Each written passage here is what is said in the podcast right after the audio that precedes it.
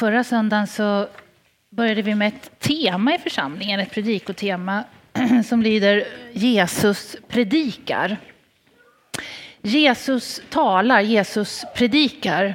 Och det är, vad jag, så vitt vi förstår, eller hur, som församling, så är det ju så att Jesus inte bara predikar det här, utan Gud har alltid talat. Det ser vi genom Gamla Testamentet och Jesus, Gud, fortsätter tala. Och nu har vi alla möjligheten tack vare den heliga Ande faktiskt personligen också vara, lyssna in Gud. I Gamla Testamentet så var det några få förunnade att få liksom den heliga Ande. Det var liksom språkrör. Men tack vare Jesu korsdöd och uppståndelse så gäller det oss alla så att vi alla kan höra och leva utav det. Det betyder egentligen att ni skulle kunna leva helt bara själva och sova män. Och, och, och, och, Guds ord skulle kunna leva för er. Men det finns något fantastiskt att komma samman som församling. Att lyssna till predikan. Jag vill hävda att det är en väldigt viktig sak. Det står att tro kommer liksom av predikan. Att lägga ut ordet. Det blir lite skillnad än att man läser själv hemma. Därför så ska jag nu göra mitt bästa att förkunna lite ifrån det Jesus sa där. Och så ska jag liksom och, och bönen är ju att det ska få bli till liv. Så vi ska titta i Matteus. Vi började förra söndagen. Och då tittade vi faktiskt på slutet av bergspredikan. Eh, och idag kommer vi vara i början. Och jag är, känner mig fri att göra lite som jag vill faktiskt med Matteus. Men det kommer vara ända fram till påsk, det här temat. Jesus eh, predikar. Och idag, om, jag vet inte om vi har datorn med oss här nu, men idag så är temat eh, Vem är salig? En fråga. Jag tackar dig Herre att vi får överlämna oss än en gång och jag vill be om att ditt ord ska få vara verksamt. Jag ber om att det ska få ge kraft och liv och att det också ska bli förtydligat för oss vad du menar här i bergspredikan när du talar. Tack att du sändes till jorden, tack att du var villig, tack att du ödmjukade dig och blev född.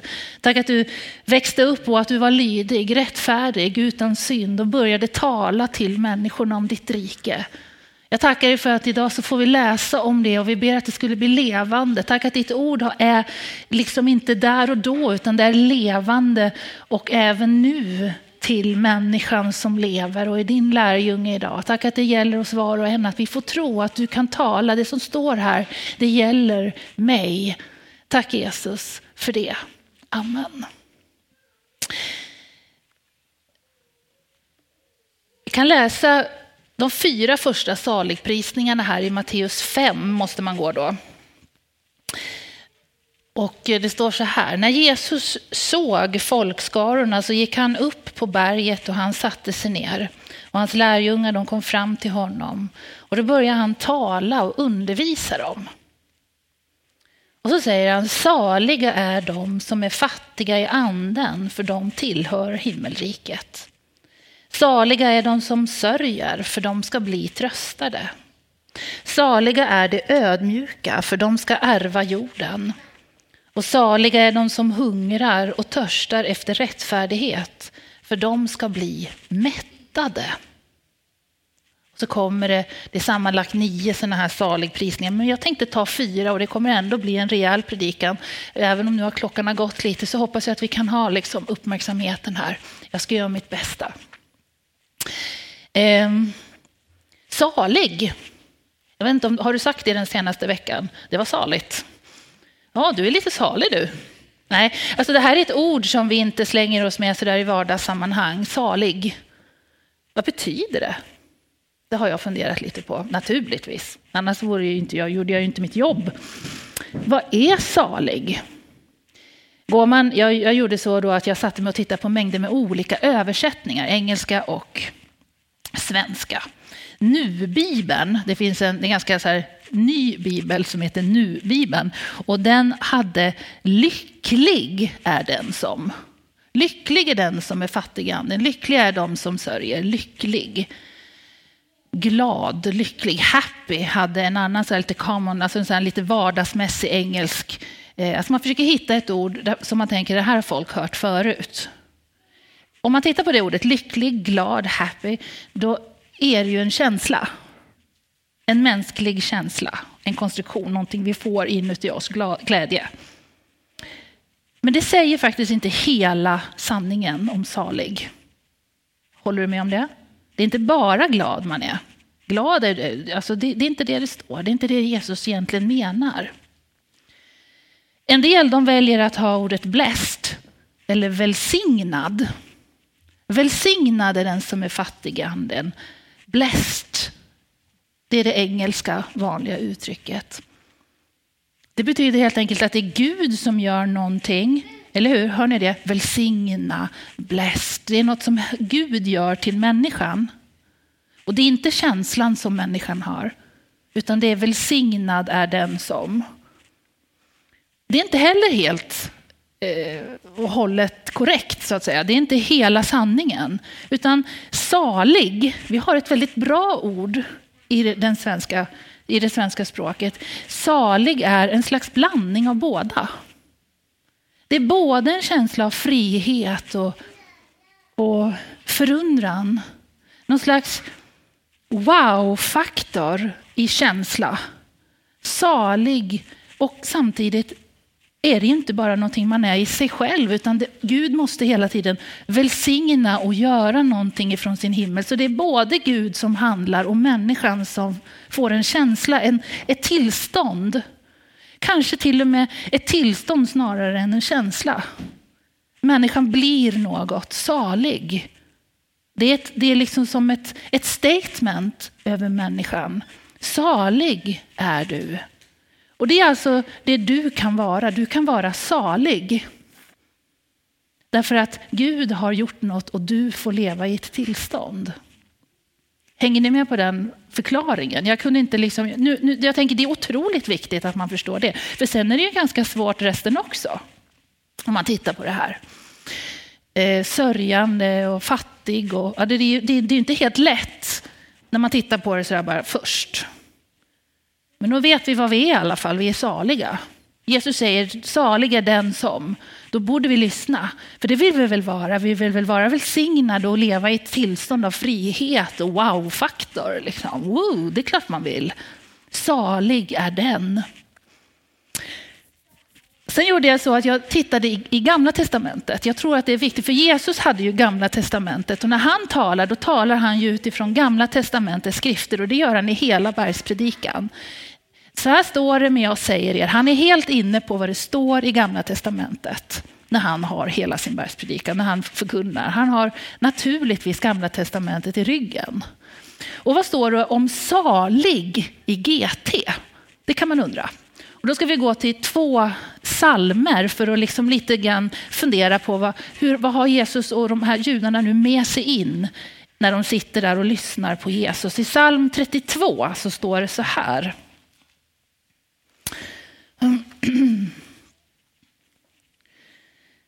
Salig är den som fått sitt brott, förlåt 32.1. Salig är den som fått sitt brott förlåtet och sin synd övertäckt. Salig är den som Herren inte tillräknar synd och som i sin ande är utan svek. Vem är salig? Jo, den som är förlåten av Gud. Psalm 1 och vers 1-3. Salig är den som inte följer de gudlösas råd och som inte går in på syndares väg och sitter bland föraktare, utan har sin glädje i Herrens undervisning och begrundar hans ord dag och natt. Han är som ett träd. Han är planterat vid vattenbäckar som bär sin frukt i rätt tid och vars löv inte vissnar. Och allt han gör, det lyckas väl.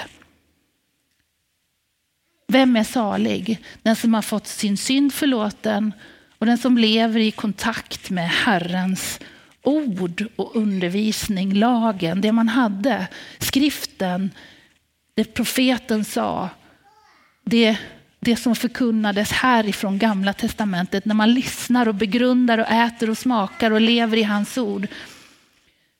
Så kommer ett bildspråk som faktiskt Kurt var inne på utan att veta att det var en del utav det. kommer du få en bild på här nu. Han är som ett träd. Planterat. Och det står att han, trädet bär sin frukt i rätt tid. Och sen har det här trädet i Gamla testamentet löv som inte vissnar.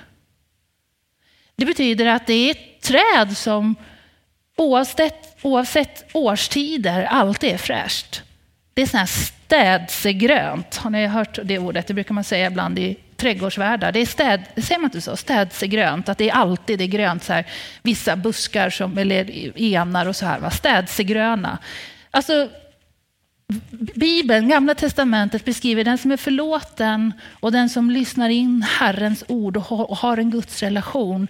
Han är som ett träd som har löv som inte vissnar. Det är en ganska stor och stark målbild som Gamla testamentet målar upp. Och nu är vi i Gamla testamentet. Och det här har ju judarna som lyssnar och Jesus i ryggen.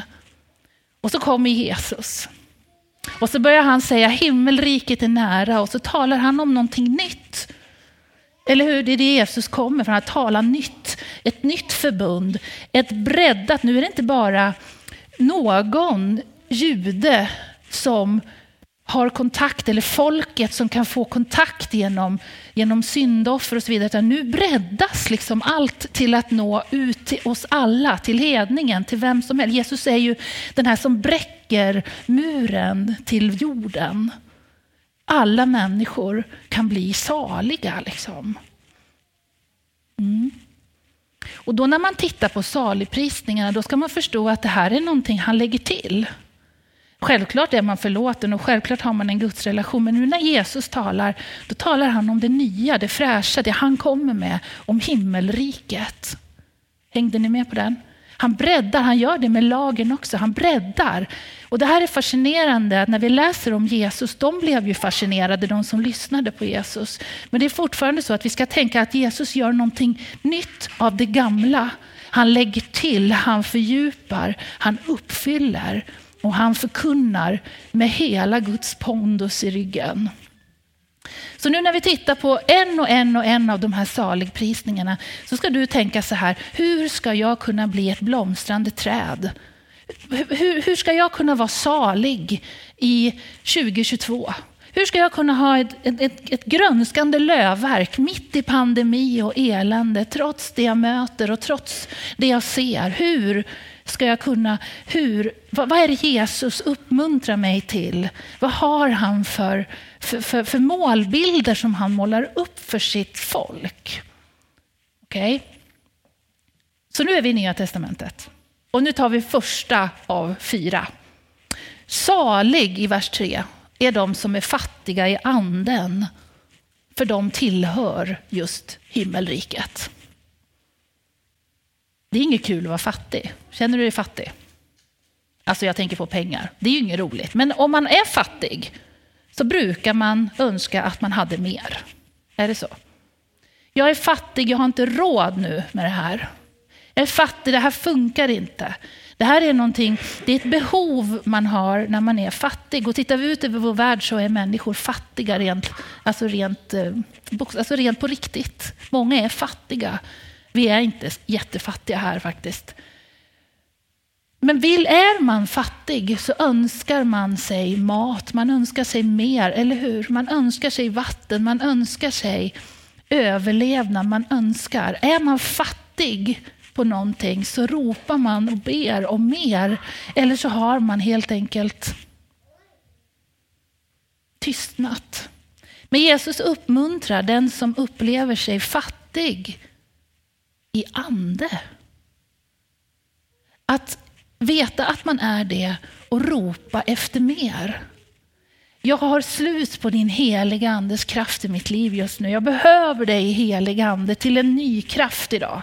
Jag är fattig, jag behöver, jag känner jag går på lamellerna. Jag vet inte alls vad det är man går på då, men man går liksom på det som det, det har blivit. Ingen aning. Man, man, man, liksom, man kommer i alla fall inte fram, va? Man, man är slut. Jag är fattig, Fattig, andlig bemärkelse. Salig är den som inser att man är fattig. Vad gör, om man, nu, om man nu kopplar den här till gamla testamentet som Jesus hade, så finns ju det här uttrycket naturligtvis också då i Saltaren. Och vi ska titta på bara kort då på psalm 86. Då står det så här. En bön av David.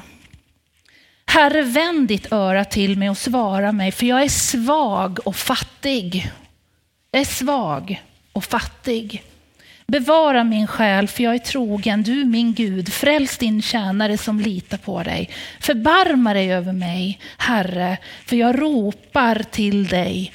Ropar till dig dagen lång. Salig är du som är fattig i anden, därför att du ska ropa till Herren dagen lång. Och den tillhör himmelriket, som lever i en sån relation med Gud och inser sitt beroende av Gud och att man är fattig i den heliga ande. Hängde du med på den första saligprisningen då? Så du som känner att du är fattig i den heliga ande, grattis! Vad ska du göra? Jo, du ska ropa till Gud och säga fyll mig med helig ande. Ge mig idag ett tungotal. Ge mig idag en rejäl fors av den heliga ande. Nu när vi prisar Gud efter, efter den här predikan, liksom, fyll mig med din kraft för den här dagen. Och det är samma sak imorgon. Är du fattig imorgon, du behöver ju inte bli rik på det här. Nej, du är salig när du är fattig om du ropar därför att det här behöver vi leva i ständigt, säger Jesus. Den tillhör himmelriket som hämtar kraft ifrån himlen. Så salig är jag nu när du är fattig i ande. Då tar vi tvåan. Salig är de som sörjer. De ska bli tröstade. Det här är ju inte lätt. Nej. Jag har tänkt mycket på det här. Ja. För att kunna sörja så måste man ändå ha ett mjukt hjärta. Tror jag. Att kunna känna sorg är att kunna veta att det är okej okay att ha känslor. Att kunna... För att sörja så kan man inte vara hårdhjärtad.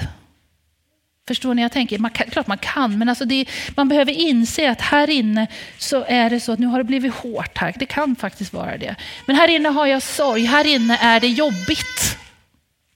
Att inse det som människa, att jag går igenom saker, jag har mött saker. Det kan vara i jordelivet, det finns förluster, vi drabbas alla av olika ting. Att inse, jag har en sorg. Det tror jag är viktigt att arbeta, ett sorgarbete, att det ska få ske. Det här är liksom, hör till själavården lite grann. Att liksom förstå att det är okej okay att, att sörja över förluster i sitt jordeliv. Det är okej. Okay. Och vi börjar där med sorgen. Det är värt en hel predikan i sig med, med mänsklig sorg och mänsklig förlust. Vi läste att Jesus är sänd för att trösta, plåstra om och läka. Absolut. Vi, vi, vi finns också för varandra i tanken i församlingen. Vi ska inte strö salt i sår eller säga skärp dig. Vi ska lyssna in. För det tror jag är nästa steg. Den som, om du sörjer, absolut, men du behöver ta dig förbi din egen sorg, för sorgen kan göra oss väldigt navelskådande. Se oss själva och vår egen sorg lite för mycket ibland. Vi behöver ta oss förbi vår sorg, acceptera vår förlust. Vi behöver hjälp att komma vidare. Och det här är som sagt en egen predikan. Och känner du nu att du blev ledsen, släpp det. Det är svårt att ha sorg. Men försök att liksom se vad jag sa nu, att det här är någonting du ska jobba med, vi behöver hjälpas åt, det här tar tid. Sen finns det nästa steg, tänker jag, det är att faktiskt gråta med den som gråter. Det är att fast du är människa och har dina sorger, kunna finnas för andra människors sorger och glädje. Att orka se andra människors förtvivlan, att bära varandra, det är också en utmaning som också är i sig en predikan. Nu pratar vi bara om jordelivets förluster och sorger. Att se varandra, att kunna det, att trösta det, den ska bli tröstad av kanske någon annan. Här står det, bli tröstad. Det här, det här luktar ju Gud, va? men jag tror också att vi som Guds församling har en uppgift i tröstandet. Men egentligen tror jag inte att det här handlar ens om det jag nyss sa.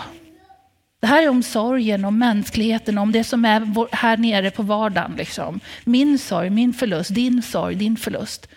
Det här tror jag till och med är ett ytterligare steg. Där det handlar om att ha sorg. Det här är lite svårt tycker jag, att förklara, men jag tänker att det är att veta att man kan ha sorg när det inte blir som Gud vill. Salig är du som sörjer därför att Guds vilja inte sker, därför att evangelium stöter i portar och murar, när, när det inte blir som man ville i, ja, vad det nu kan vara, den, i mitt liv. Man kan ha sorg när det inte Guds vilja sker. Då har man inte sorg för sitt eget, inte för grannen, utan man har sorg för, för Guds rike. Det låter ju kanske jättekonstigt, men jag tänker att det där är verkligen, det är inte överkurs, utan det är för församlingens nöd. Nöd, gripenhet kallas det för.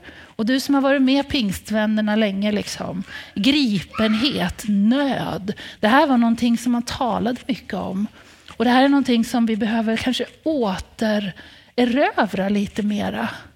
Bön för Guds rikes skull, om att Guds vilja ska ske. Vi ska ta Jesus som exempel, två stycken ifrån Lukas. Lukas 19. När Jesus kom närmare och såg Jerusalem så grät han över den och sa Tänk om du idag hade förstått också du vad som ger dig frid. Men nu är det dolt för dina ögon. Tänk om du Jerusalem hade förstått vad som ger frid, men det är dolt. Och så grät Jesus. Det här är ju inte tårar för något annat än för att Guds vilja ska ske. På väg mot korset, Lukas 23. En stor skara ur folket följde honom och även kvinnor som sörjde och grät över honom när han gick mot korset. Då vände sig Jesus till dem och så sa han, Jerusalems döttrar, gråt inte över mig, gråt över er själva och era barn. Gråt inte över mig, det här är Guds vilja.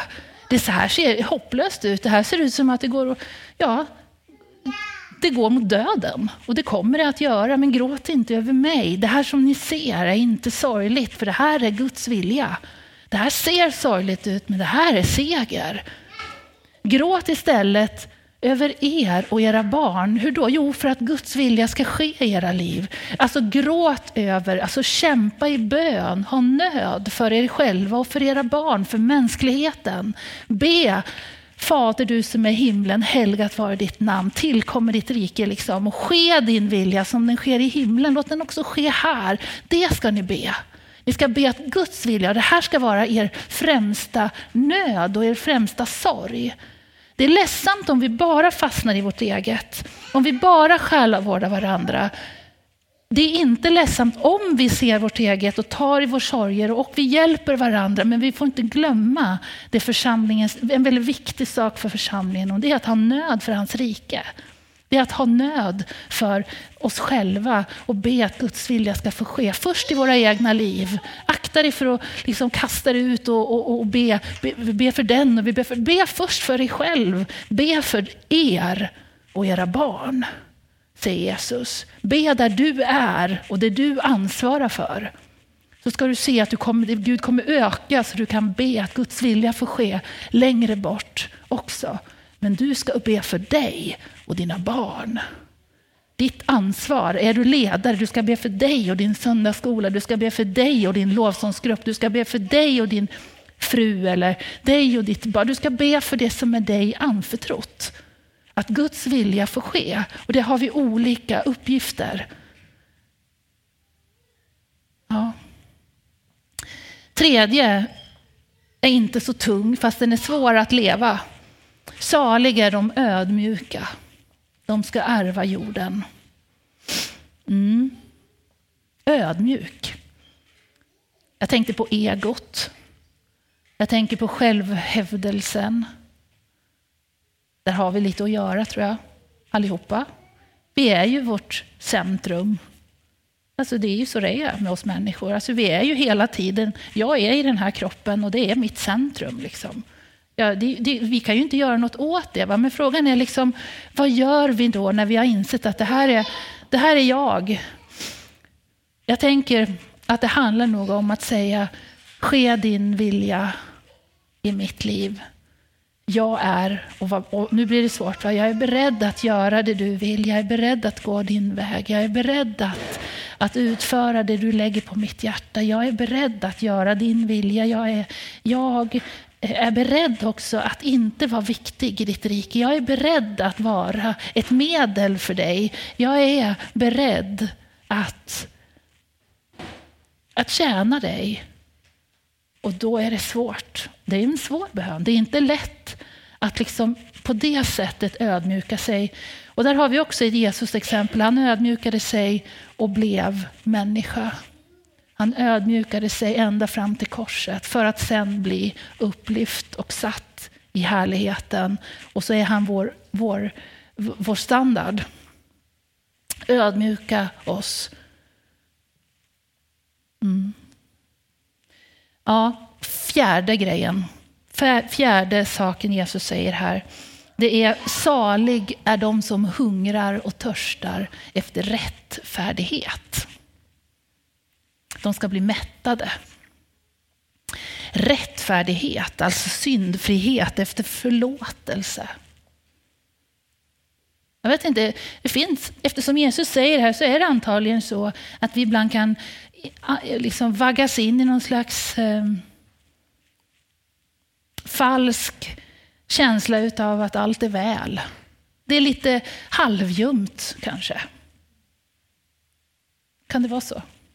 När Jesus säger salig är den som längtar efter rättfärdighet, då betyder det att det här är någonting som, alltså det, det, det finns ju något dynamiskt i att längta efter rättfärdighet. Det är egentligen ett, att vila i ett tillstånd av att man är förlåten, men det är också att längta efter hans rättfärdighet. Ja, den är svår. Den är svår. Man får fundera lite på vad innebär det för mig? Vad innebär det? Vad behöver jag här inne för att känna, ta emot din förlåtelse? Leva i din rättfärdighet, leva i, din, i ditt ljus. Om man tänker så. För annars, kanske vi, vi gör ju alltid fel, va? men att, få, att, att säga ja, men jag är beredd att stå i ditt ljus. Som, som den jag är. Jag är beredd, jag ställer mig här och så ber jag, fyll mig liksom med det som är sant. Jag, jag, jag, avslöja i mig Gud och led mig på en rätt väg. Låt ditt ljus lysa här och visa mig ting. Använd mig, förlåt mig. Alltså det är ju så lätt att komma till Gud och be om förlåtelse. Han är ju den som vill förlåta. Jag vill leva rätt. Gud, hjälp mig. En fin bön. Salig är den som hungrar och törstar efter rättfärdighet. Du är salig om du upplever att Nej, men det här behöver jag. Nu behöver jag rättfärdighet in i mitt liv. Jag behöver ditt ljus. Då, då ska du vara salig. Därför att du kommer att bli mättad. Du kommer att bli bönhörd. Vad Jesus gör är att han målar upp en helt annan bild av behov av mänsklighet, utav den heliga andes liksom fantastiska kraft in i. Alltså han kommer ju med världens budskap, Jesus. Salig är du när det är så här och salig. De, de var ju så vana vid gamla testamentet, det är klart de förundrades. Och även om vi nu är så vana vid andens tidsålder och vi är så vana att leva i det nya förbundet så är det fortfarande så att vi inte helt har fullt har förstått vad som gör oss till grönskande träd året om.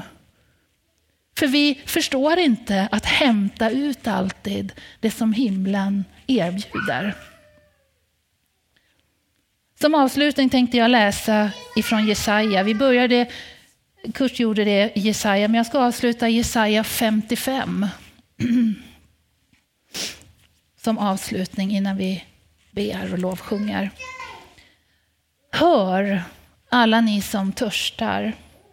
Kom till vattnet. Det, här är, det luktar Jesus, känner du det? Fast det är gamla testamentet. Kom till mig alla ni som törstar.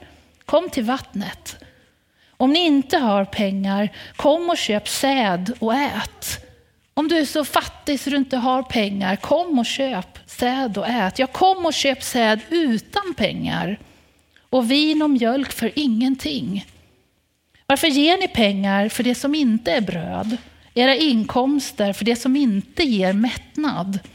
Hör på mig så får ni äta gott och er själ får njuta av feta rätter. Mättnad.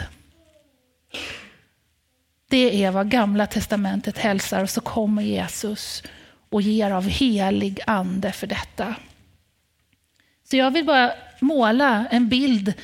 Vi kanske kan lägga det där trädet om du kan klicka bort där lite i film. Funkar det att hitta trädet igen? Det här är liksom målbilden. Den kristnes liv, oavsett omständigheter. Frukt i rätt tid. När man behöver det. Med löv som inte vissnar. Det stabila som bygger på klippan. Det målar Jesus upp. Så när han öppnar sin mun och säger något viktigt, då är det här han inleder med. Din relation till Gud. Och sen går han vidare. Och det ska vi titta på om två veckor. Då blir det mer om människa till människa. Här handlar det om Gud, människa, du och din Gud. Ska vi be tillsammans? och lovsångsteamet kan komma fram. Jag ber Jesus för ditt ord och jag ber att det ska tala in i våra liv och att vi får bli träd, bli eh, stabila i ditt rike. Inte, ja, dels för egen del, därför att det är härligt att inte rubbas, men framför allt för ditt rike och för människor runt omkring. Jag tackar dig Jesus att du idag talar till den som har kommit hit idag.